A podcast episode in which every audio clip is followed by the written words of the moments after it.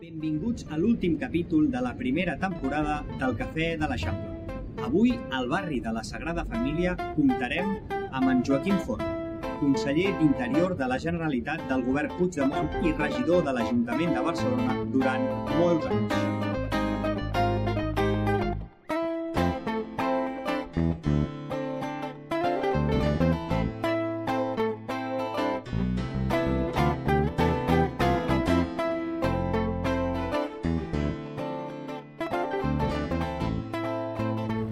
Joaquim Forn i Chiarello va estudiar al Liceu Francès de Barcelona.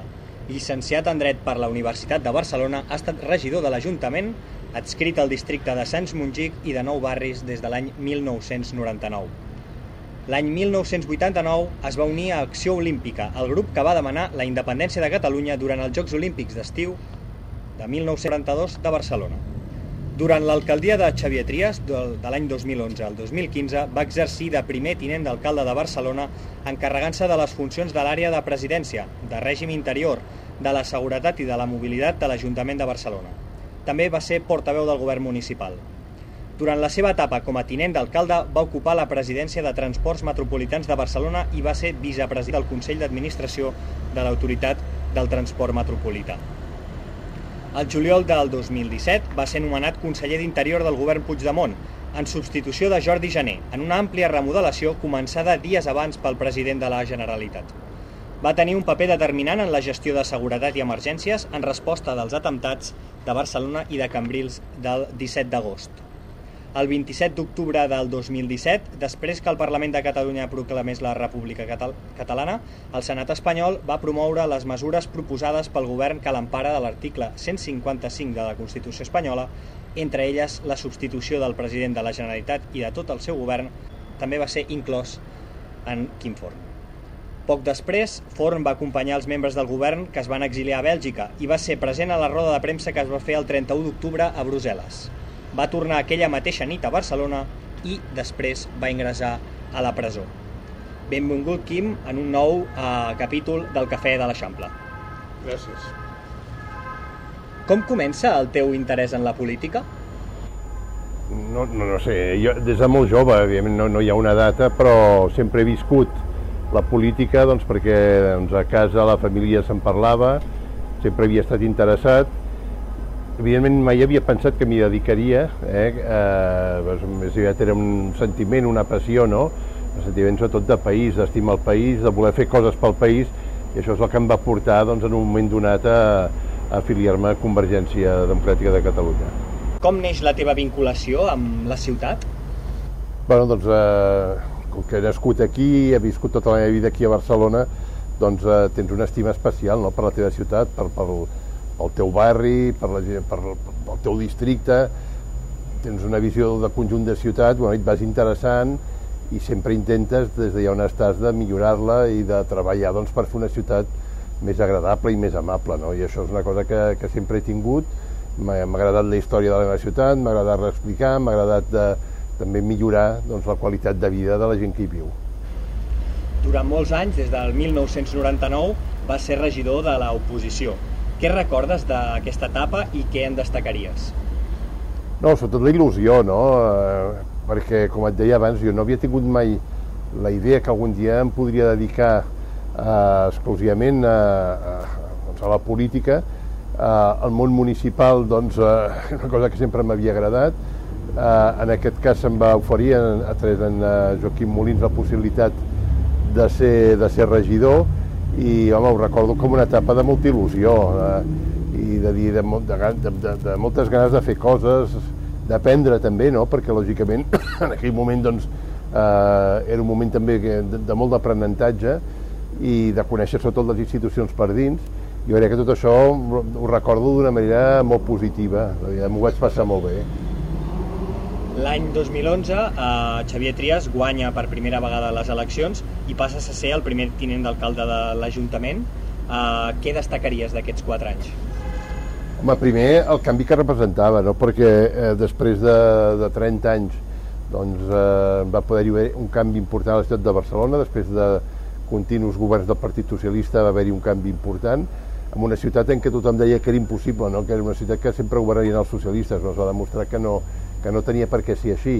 Jo crec que això també va ser fruit de molts anys de treball, eh, en primer lloc del Xavier Trias, que va estar 8 anys eh, doncs a l'oposició, eh, que vam saber cohesionar o consolidar un equip de, de gent que ens entenia molt bé, de tenir un projecte molt clar per la ciutat de Barcelona i de ser visualitzats com una alternativa.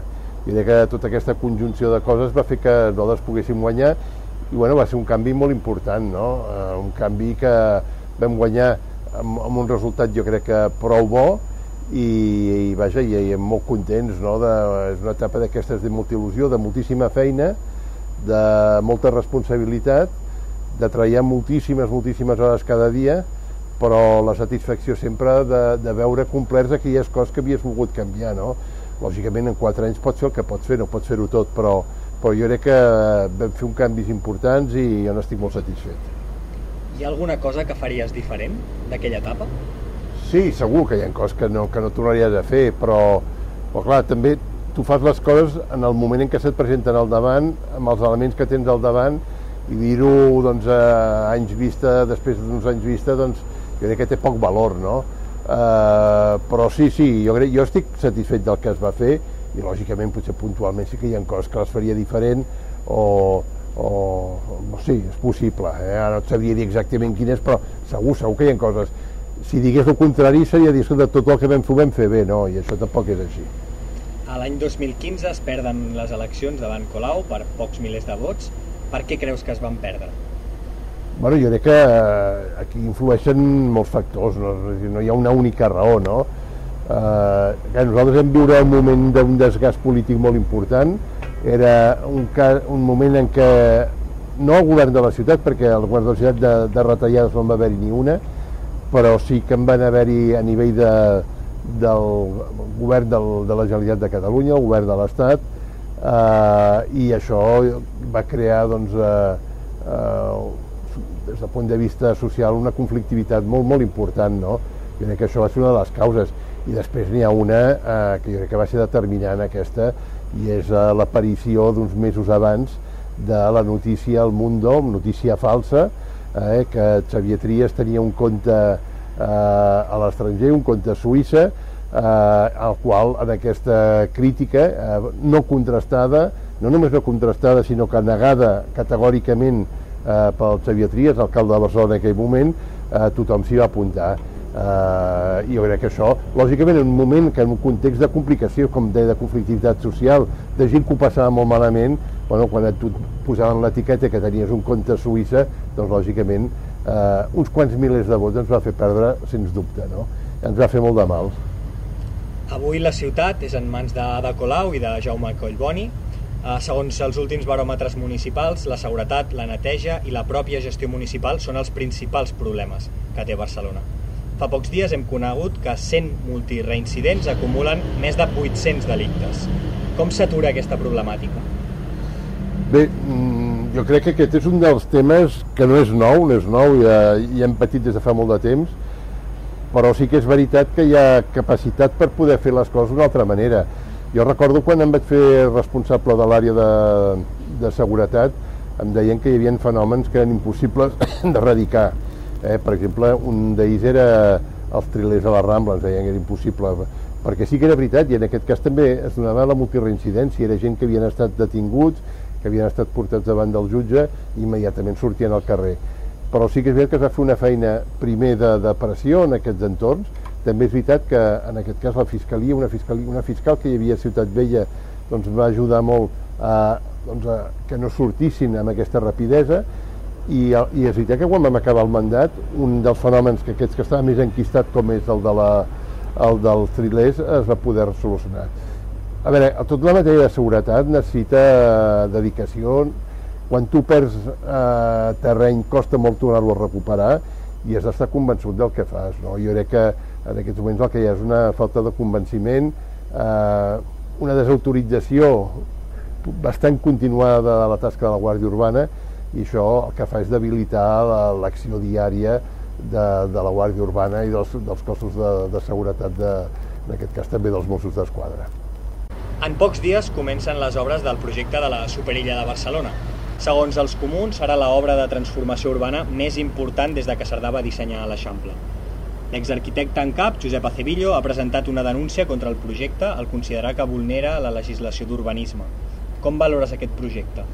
He conegut eh, l'acció de, de l'excap d'arquitecte en cap de Barcelona pels mitjans de comunicació i desconec exactament els fonaments. O sigui, hi ha una cosa que és preocupant, no? Eh, pot ser la gran obra o la gran desgràcia eh, si no, no s'executa bé. Tenim precedents d'altres eh, superilles eh, que s'han fet d'esquenes als, eh, als propis veïns, eh, que en lloc de comportar doncs, eh, avantatges, els avantatges que ens deien, ha creat també alguns inconvenients importants i a mi em preocupa, i em preocupa perquè la trama de l'Eixample és la que és, la trama de l'Eixample ha funcionat durant molts i molts anys, jo puc estar absolutament d'acord en que cal eh, pacificar eh, els carrers, que cal treure cotxes dels carrers, puc estar absolutament d'acord, però crec que de la manera com s'està fent en aquests moments, amb aquest desordre que s'està fent en aquests moments, és, eh, jo crec que és absolutament una, un error. No? Eh, veurem, veurem si prospera, jo ja dic, des del punt de vista jurídic desconec les possibilitats i l'argumentació, els fonaments del, del que ha presentat eh, el senyor Cevillo, però en tot cas jo crec que s'hauria d'escoltar més a la gent, s'hauria d'escoltar més als tècnics i no partir d'aquella idea que jo sé el que vol la ciutat, jo sé el que volen els, els ciutadans eh, i és allò de fer la ciutat però d'esquena als ciutadans i això jo crec que és un, té un risc molt i molt gran. La contaminació és també un problema que cal abordar. Uh, què és el que cal fer per reduir la contaminació a la ciutat? No, eh, és probable que s'hagin de, de fer, eh, de facilitar que com molts cotxes que avui circulen, molts d'ells, la gran majoria d'ells per necessitat, eh, puguin deixar el cotxe a casa seva. Però per això, clar, aquí hi ha una cosa que a mi em sorprèn, no? Eh, que no, que no que la senyora Colau no digui. Ells estan governant a l'Estat ells són responsables de les inversions que s'estan fent des de l'Estat a Catalunya i hem tingut les dades, dades del propi Ministeri, que diuen que només s'havia executat un 34% de les inversions previstes. Una part d'aquestes inversions van dedicades, haurien d'anar dedicades als Rodalies. Si vostè eh, incideix d'una manera clara en Rodalies, hi ha una disminució molt clara del trànsit a la ciutat de Barcelona, o l'acabament de la línia 9. Hi hi ha, hi ha eh, algunes actuacions que són absolutament urgents i que s'estan deixant. Per què? Doncs perquè l'Estat no està executant les obres que hauria d'executar. La inversió que s'hauria de fer no s'està fent. I per tant eh, em preocupa molt. I em preocupa que les crítiques que sempre es dirigeixen contra la Generalitat siguin incapaços des del govern municipal de dirigir-les, en aquest cas com el responsable directe, que és el govern de l'Estat, que no està executant les inversions previstes en temes tan importants com la mobilitat. Des de fa mesos el govern del PSC intenta marcar distàncies amb l'alcaldessa amb diferents projectes. Com valores l'actuació del PSC, d'aquest govern? Clar, jo entenc que això anirà creixent i entenc que bueno, doncs, eh, ells van voler, van decidir que havien de governar amb eh, la, la de Colau i que per tant d'alguna manera són també corresponsables del, del que va bé i del que no va bé i del que no va bé doncs avui en dia doncs, per una part important de la, de la ciutadania de Catalunya hi ha moltes coses que no van bé per tant eh, en ser corresponsables, ells m'imagino que a mesura que s'acostin les eleccions intentaran separar-se eh, de Podem dels comuns. Eh? Eh, jo crec que això costarà, perquè bueno, doncs, eh, és un govern, el de la senyora Colau, que no estaria governant sense el suport del Partit Socialista. Més encara si recordem doncs, que les eleccions, el partit més votat, no va ser el de la senyora Colau. Per tant, la responsabilitat de, del Partit Socialista com la del senyor Valls és absoluta, no? I tota aquesta gent, alguns d'ells ja s'han amagat i han fugit i tal, eh, són també d'alguna manera corresponsables de la situació en la que es troba Barcelona. I de què aniran aquestes eleccions eh, vinents, que seran al maig de, de l'any que ve? Es parlarà de l'eix nacional o només de la ciutat? I quins temes creus que girarà la campanya electoral? No, jo sóc dels que crec que una campanya a les municipals eh, sempre, sempre ha de girar al voltant de les necessitats, de les inquietuds, dels reptes que té la ciutat de Barcelona.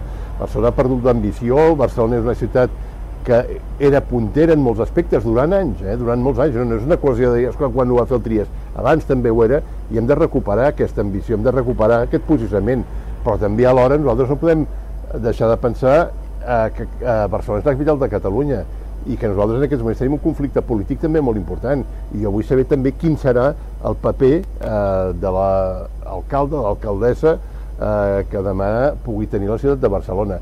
Eh, és molt important, importantíssim, cap dalt, prioritari, si vols, la discussió dels temes de ciutat, però també és important doncs, conèixer el paper eh, que se li vol atorgar a Barcelona com a capital de Catalunya.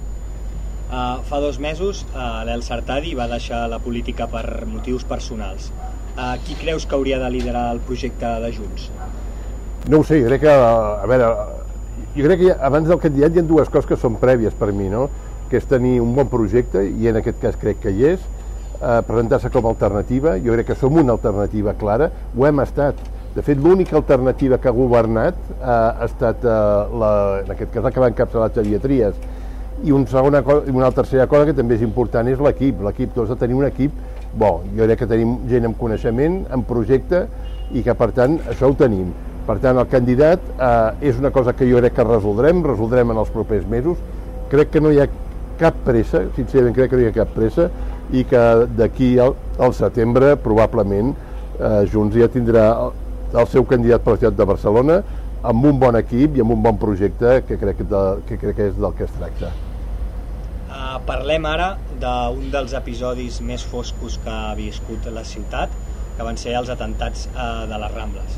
Què recordes d'aquells dies?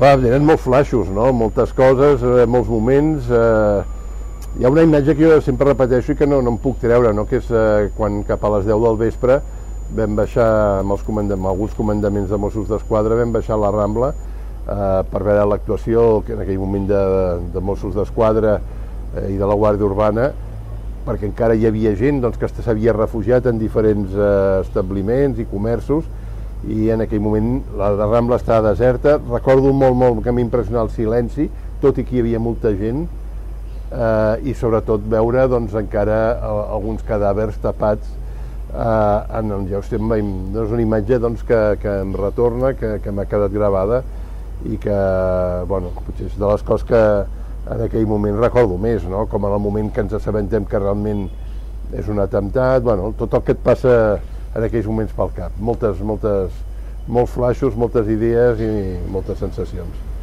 Després va venir el referèndum de l'1 d'octubre. Com van ser les hores abans i durant les càrregues policials què, què feies, què vas estar fent? No, a veure, va ser una jornada de molta tensió, de molta preocupació, de molta preocupació de veure les càrregues precisament que s'estan portant a terme. Jo recordo que a les 3, quarts de 4 de la tarda vaig parlar amb el delegat en, en Millo, eh, bueno, dient-li que, que jo s'havia d'aturar com fos. Jo en aquell moment feia poca estona havia rebut imatges, tothom anava rebent imatges, jo les podia mirar quan les podia mirar i, i vaig veure unes imatges d'una escola d'aquí de Barcelona, crec que era el Pau Claris, i allò em va impressionar molt, em va impressionar doncs, amb una noia que li van trencar els dits, eh, bueno, vaig veure coses eh, vaja, que s'escapen de, de, de qualsevol lògica, que, que, que no, que no s'entenen, són incomprensibles eh, i que bueno, doncs això va fer que en aquell moment doncs, eh, truqués, truqués a la delegació del govern i vaig parlar amb el millor per demanar-li doncs, eh, que jo s'aturés d'una vegada perquè era absolutament vergonyós el que estava succeint. Després va venir la declaració d'independència. També volia preguntar els moments que recordes, quins són els més importants? No, me'n recordo, doncs, eh, me'n recordo poc del Parlament, de l'acte intern del Parlament ho recordo poques coses perquè després he vist imatges. Jo estava molt preocupat, tenia moltes coses al cap en aquell moment. Sí que recordo doncs, quan sortim i davant de tots els alcaldes les paraules que dirigeix el president de la Generalitat, eh, la trobada que fem posteriorment ja a les 6, 6 o quarts de 7 de la tarda al Palau de la Generalitat i bueno, que les decisions que en aquell moment es prenen eh, i, bueno, i com anem executant tot el que vam acordar en aquell moment. Sí, sí, bueno, un, un seguit de coses que passen molt ràpid i que a vegades no, no les he oblidat, eh, però clar, no, no, no les recordes senceres, les has anat complementant doncs, amb el que t'explica una, amb el que t'explica l'altre i recordes el que recordes. Després va venir el judici i l'entrada a la presó. Eh, quines coses positives dins de la presó vas viure, si és que n'hi ha, ha alguna? Sí, sí, que n'hi ha de positives, sí, perquè és, és descobrir un món nou, és eh, de, descobrir, relacionar-te amb gent molt diferent, és, aprens molt, aprens moltíssim. Eh, jo m'he quedat, lògicament, amb les coses positives. Les negatives que hi són, i són moltes, hi són, però tampoc no, no tinc cap necessitat d'anar-les recordant ni recrear-m'hi ni res de tot això.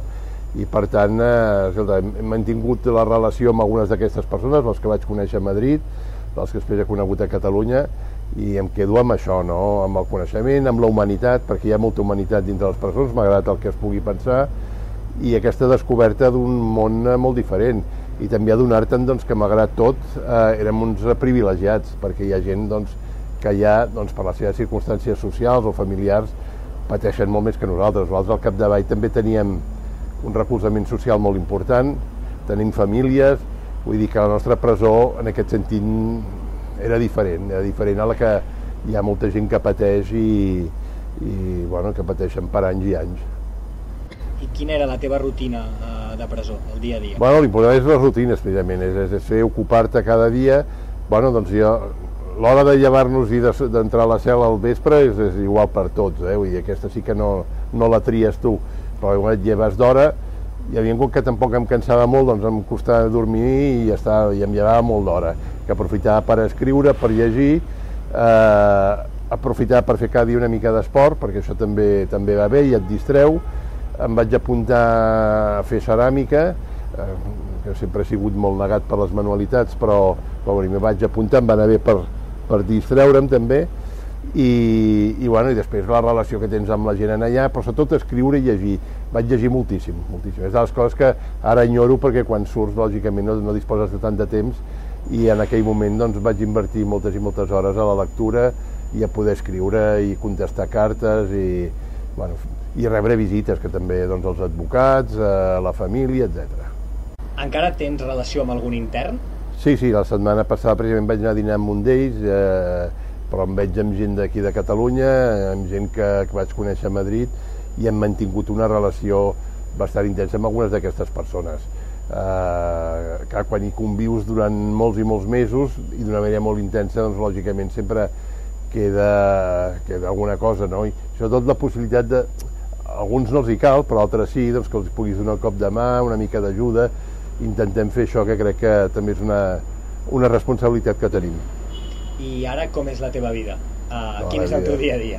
No, no, a veure, jo d'entrada uh, tinc uh, treballo, treballo a MediaPro, estic al, al gabinet jurídic de MediaPro, que, és, que m'ocupa una part important del meu temps, però lògicament sense entrar en la política del dia a dia, eh, no, estic, no estic en cap càrrec de responsabilitat, home, sí que continuo doncs, lluitant pel que sempre he lluitant, no?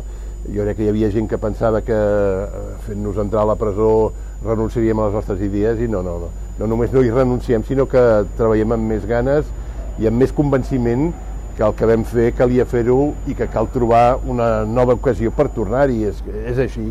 Jo en aquest sentit estic col·laborant eh, des de la Junta d'Òmnium Cultural, que és eh, on hi participo, i, bueno, i acabar el que es va començar l'1 d'octubre. Jo crec que aquesta és una mica la feina que tenim, que no la farem d'un dia per l'altre, però que continuem treballant amb l'objectiu de que algun dia que podem decidir el nostre futur i que Catalunya pugui ser un país independent.